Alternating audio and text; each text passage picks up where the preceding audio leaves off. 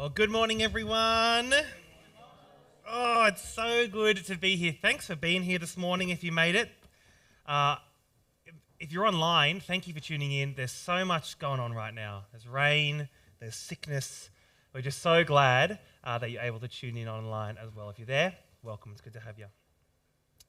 Uh, it's been really good to hear from Kevin this morning. One of the things that he said that struck me uh, was that in our passage today, you might have just heard it, uh, Paul talks about uh, pouring himself out for the sake of ministry. What a good image for us to consider that we would be willing to pour ourselves out, to be available for our subcontinental neighbors as we do ministry with them. So good. As I was preparing this sermon for our Indian Christian Day, one of the questions I needed to ask was, you know, should we preach something special? Should we preach something different? You know, pause 2 Corinthians and do something else? And the simple answer was, no, not really. Because, like we've heard already, and like we need to keep remembering, the gospel of Jesus Christ is not just the gospel of Australia, it is the gospel of the whole world. For every person, every nation, every tongue, the gospel is profoundly relevant. And so, as we come to preaching time, it just makes sense to preach the truth of the Bible wherever we're up to, uh, and it will be relevant to everyone here listening. Having said that, I did come up with a joke for uh, Christian Indian Day. I'm very proud of this. You might not be. What did Coles in Schofields do to accommodate the rising subcontinental, subcontinental population of our area?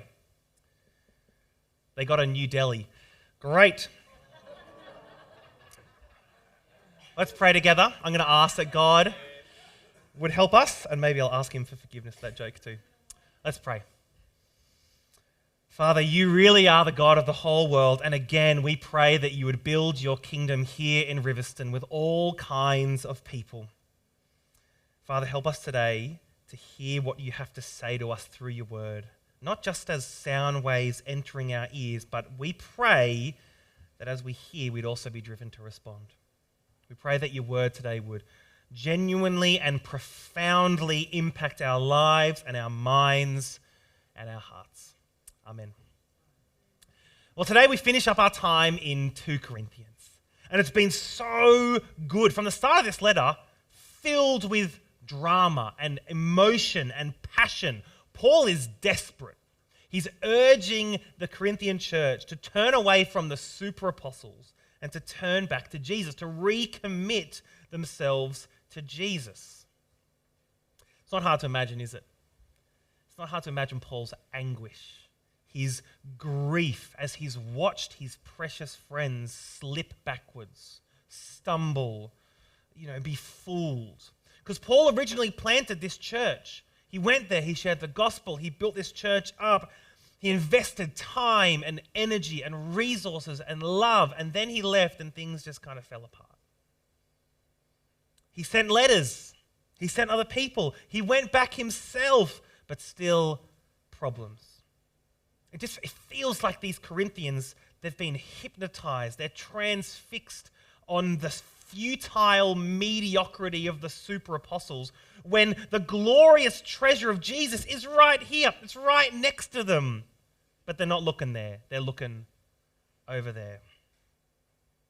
It's not hard to imagine Paul's frustration. You know, it'd be pretty easy for him at this point to just be like, too hard. I'm tired of all this Corinthian drama. I'll go put some effort elsewhere. And yet, that's not how Paul responds, is it? How does Paul respond to all this stubbornness, this constant disobedience? Well, you can see it there in your Bibles if you have them open. Chapter 12, verse 14. Now I am ready to visit you for the third time, and I will not be a burden to you. Because what I want is not your possessions, but you.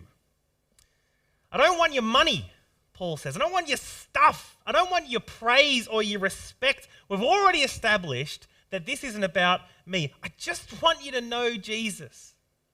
I just want you to know Jesus again. I just want you to snap out of your trance and notice the glorious treasure of Jesus again. That's what I want. I want you to know Christ.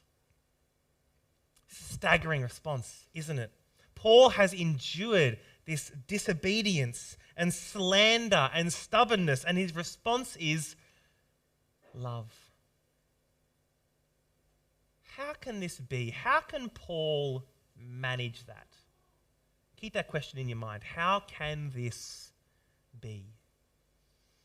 Because the verse then continues, and Paul likens himself to their parent, a parent who desperately wants what's right for their precious child, a parent who loves their child even when they do the wrong thing. That might be an image that you're familiar with. Uh, if, if you have kids, whether that's human or dog, of course. Uh, I experienced this recently. A few weeks ago, my dog Smithers ate my sunglasses. I have a video of him being guilty. I'll show you after. It's hilarious.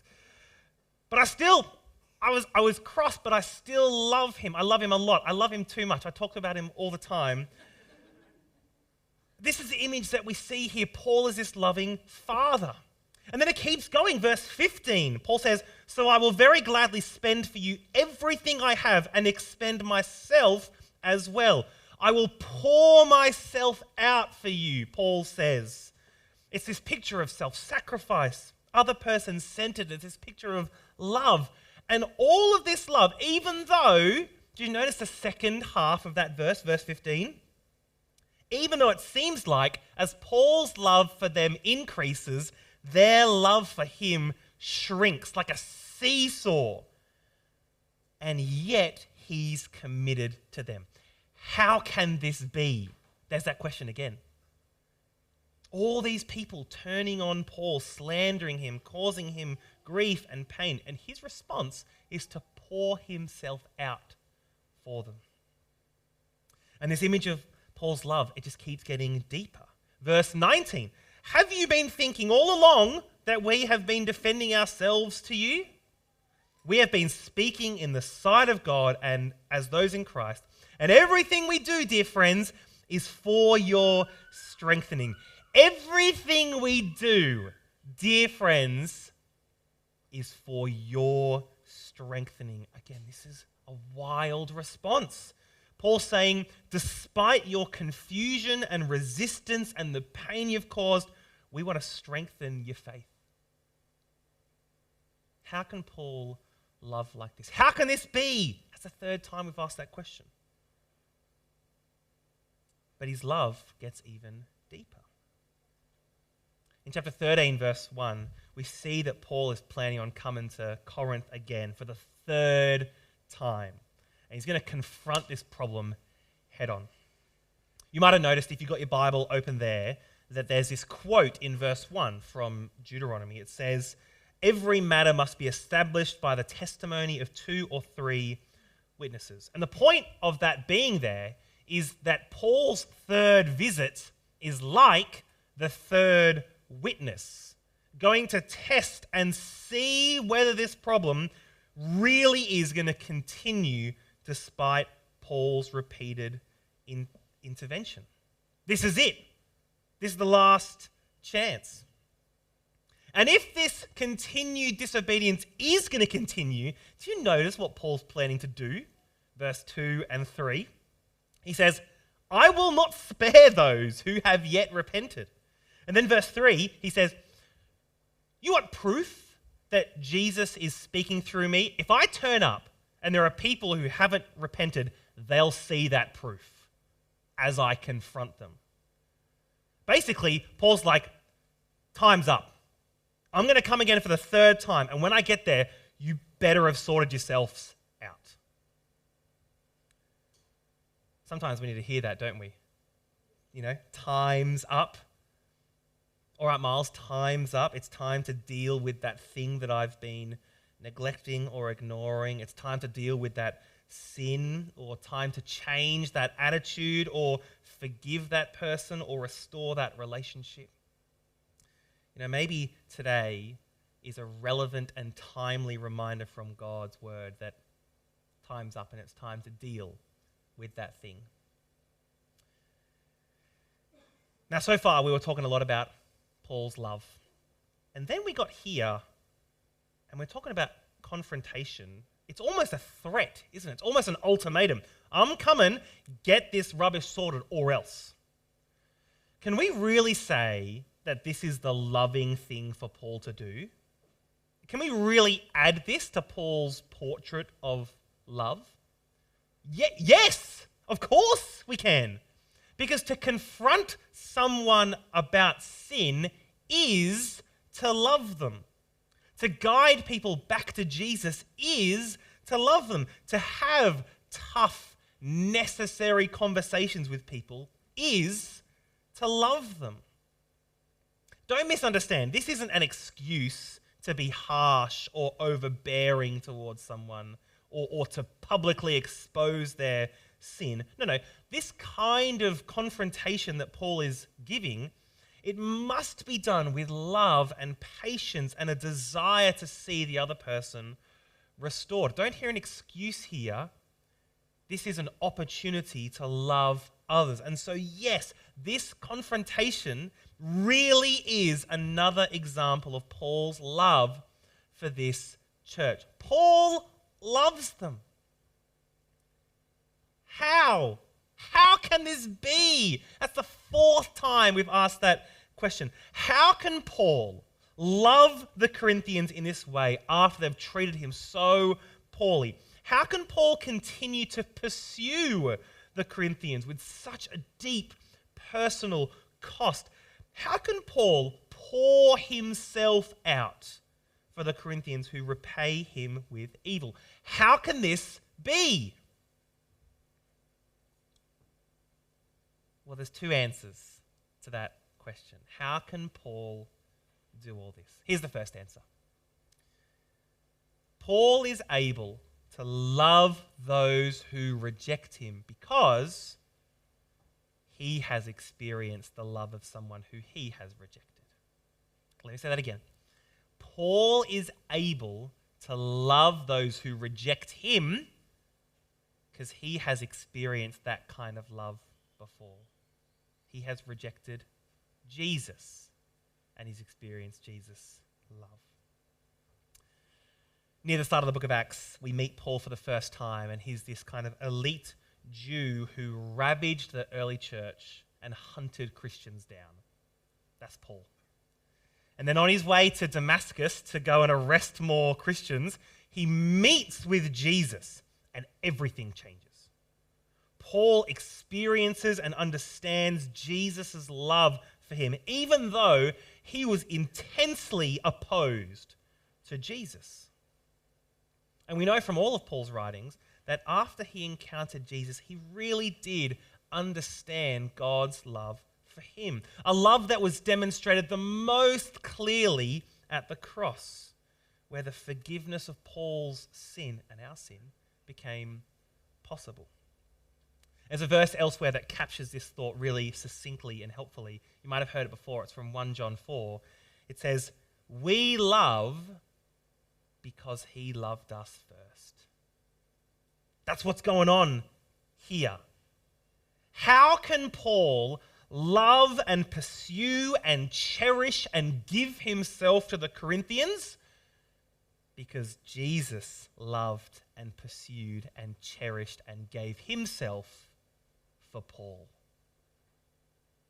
That's the first answer. Paul is able to love these Corinthians because Jesus loved Paul first. Second answer to that question How can this be? How can Paul love these Corinthians who have caused him so much grief? Here it is. Paul can love like this because the Holy Spirit lives in him. This comes from chapter 13, verse 5. Examine yourselves to see whether you are in the faith. Test yourselves. Do you not realize that Christ Jesus is in you, unless, of course, you fail the test? We all love a good test, don't we? A good exam? No, not at all. I recently had one of those dreams, or like nightmares, where, where you turn up to an exam woefully underprepared. Have you had that dream before? Yeah, super common. I remember it. I don't usually remember dreams. This one was so vivid. I was at the University of New South Wales, where I studied first, It was a math exam. I looked at question one and I had no idea what to do. Terrifying. And here, Paul's talking about a test. What's going on? Here's what's happening in this verse Paul is challenging the Corinthians to test their faith, to check that they're really Christians. And the way they should test their faith is can you see it in the verse? By looking for evidence that Jesus is in them. Can you see that? That Jesus is in them. And so, how would you look for that evidence? What would that look like if Jesus is in someone? Well, the start of the answer to that question is in John chapter 20. What happens in John 20? You might remember Jesus is raised from the dead, and the disciples are all hiding in a locked house, and Jesus arrives. He's risen from the dead, and what does he do? He breathes out on them and gives them the Holy Spirit before ascending into heaven. The way that Jesus lives in people is by the Spirit. Paul says this in Corinthians as well, 1 Corinthians 6. Don't you know that your bodies are a temple where the Holy Spirit lives in you? If you're a Christian, the Holy Spirit lives in you. If you put your trust in Jesus, your, your trust in Him to forgive your sins, and you live your life with Him as King, you're a Christian and you have the Holy Spirit. But that still doesn't quite answer the question, does it? How would you look for evidence of that? What does that look like? What is Paul asking the Corinthians to look for? Well, it's real simple. When the Holy Spirit lives in you, things change. People are transformed. Throughout the Gospels, when Jesus enters a room or a city, things change. I mean, when Jesus walked into our world, he took on humanity, things changed. The death and resurrection of Jesus is by far the most significant historical event in human history. And in the same way, when God lives in people, things change. People are transformed. They start living more like Jesus. It's impossible to, to receive Jesus to become a Christian and then go on living unchanged. It's impossible because God lives in you. And so Paul is challenging the Corinthians to look for this evidence. Because with all this drama going on, it seems like maybe they're not becoming more like Jesus. In fact, they're actually continually rejecting Jesus. And so Paul is questioning their faith. If they're just going to continue to fix their eyes away from Jesus to a false gospel, then maybe they don't have the Spirit. Maybe they're not actually Christians. Now, we're wading through tricky waters here, and we don't want to make a wrong turn. So let's just make sure we're absolutely clear about a couple things. Paul isn't saying that the way to be a Christian, the way to be saved, is to do good things with the help of the Spirit. That's not what he's saying. And he's not saying that if you were to continue to struggle with a certain sin, well, that means the Spirit isn't in you and you're not a Christian. That's not what he's saying either. Here's what he is saying the Corinthians' continued stubbornness and inability to change is a red flag. Because when the Spirit lives in people, things change. And what he's also saying is, what he says through all these letters, if you trust in Jesus to forgive your sin and you live for him, then you can be certain that you have the Spirit. You're saved. It's all about what Jesus has done. It's got nothing to do with me.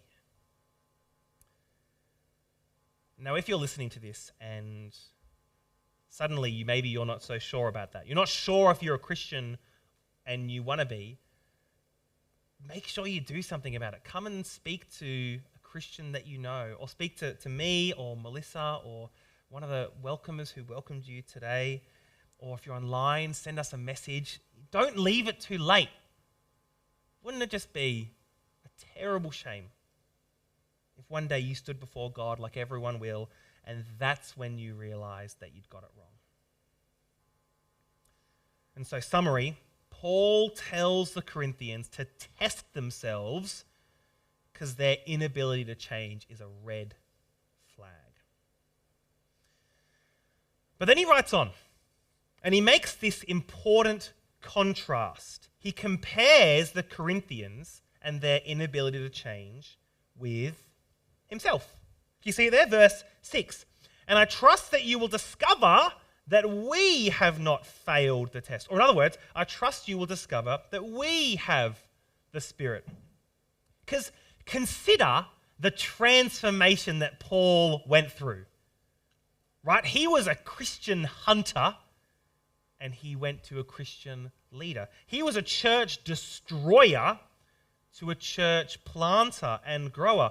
Uh, from a Christian hater to someone who is able to love even the Corinthians. Can you see what's going on here?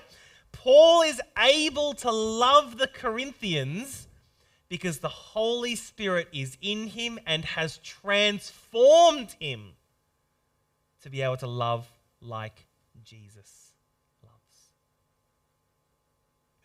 And so now we can fully just flesh this out. How can it be? How can it be that Paul can love these Corinthians? How can he love and pursue and cherish them when they've treated him so poorly? Well, first, he has experienced that same love from Jesus. And second, he has the help of the Holy Spirit, who is transforming him to become more like Jesus, that he can love like Jesus loves. Paul's pretty impressive, hey? Right? Pretty impressive that he can he can do this. But it's not like Paul had, you know, an upsized double patty supercharged sauce Holy Spirit and we just get like the basic burger version. No. We have the same Holy Spirit that Paul had. We have the Spirit in us today. And you know what that means? The same power that transformed Paul is in you today. The same power that empowered Paul to love even the Corinthians is in you today. The same spirit that gave Paul the words to say lives in you. Here's a bonus one from Romans 6. This is amazing. The same power that raised Jesus from the dead is in you. You are empowered, not in like a weird self help kind of way. No, no, you're empowered by the Holy Spirit. You are spirit fueled. You're being transformed to become more like Jesus so that you can love and serve Him in every area of your life. You know what that means? The next time you are called to love or pursue or cherish someone who treats you like the Corinthians treated Paul, you can do it. You can pray and you can do it. Not because you're the world's most patient person, but because you have the Spirit. The next time you're given a chance to, to share the gospel or invite someone to church or to pray for someone or to invite your subcontinental neighbors over for a meal, you can do it. You can pray and you can do it. Not because you're the world's most hospitable person or the best communicator, but because you have the Spirit. The next time you need to lovingly confront someone or have a tough conversation, you can do it. You can pray and you can do it. Not because you're the world's most gentle person, but because you have the Spirit. Can you see what's going on here? You are empowered. The next time you're tempted to sin, you should pray and then not do it.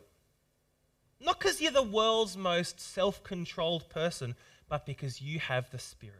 The Spirit who is working in you, transforming you to become more like Jesus. The same Spirit that enabled Paul to love these Corinthians is in you if you're a Christian. Been good, hasn't it? Hanging out in 2 Corinthians. God's word is so good for us, it's so powerful.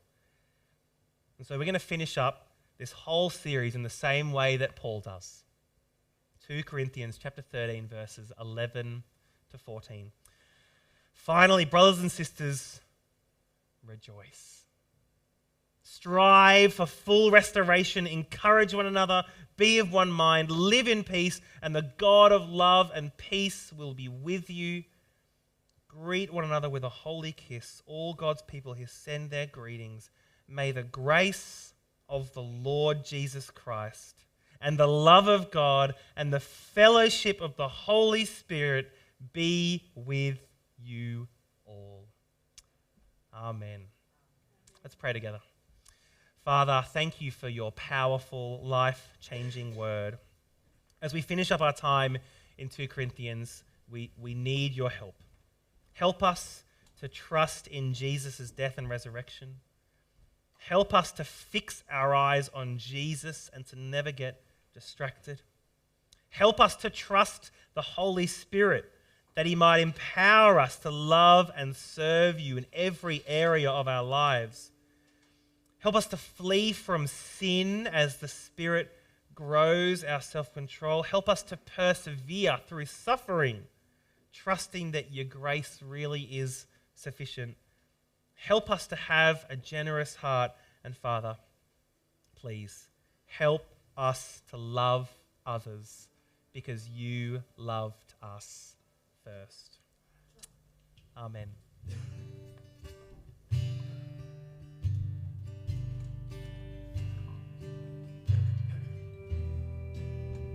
That was great. You could almost say, how great was that word? And how great is our God? Let's all join together and lift our voices again.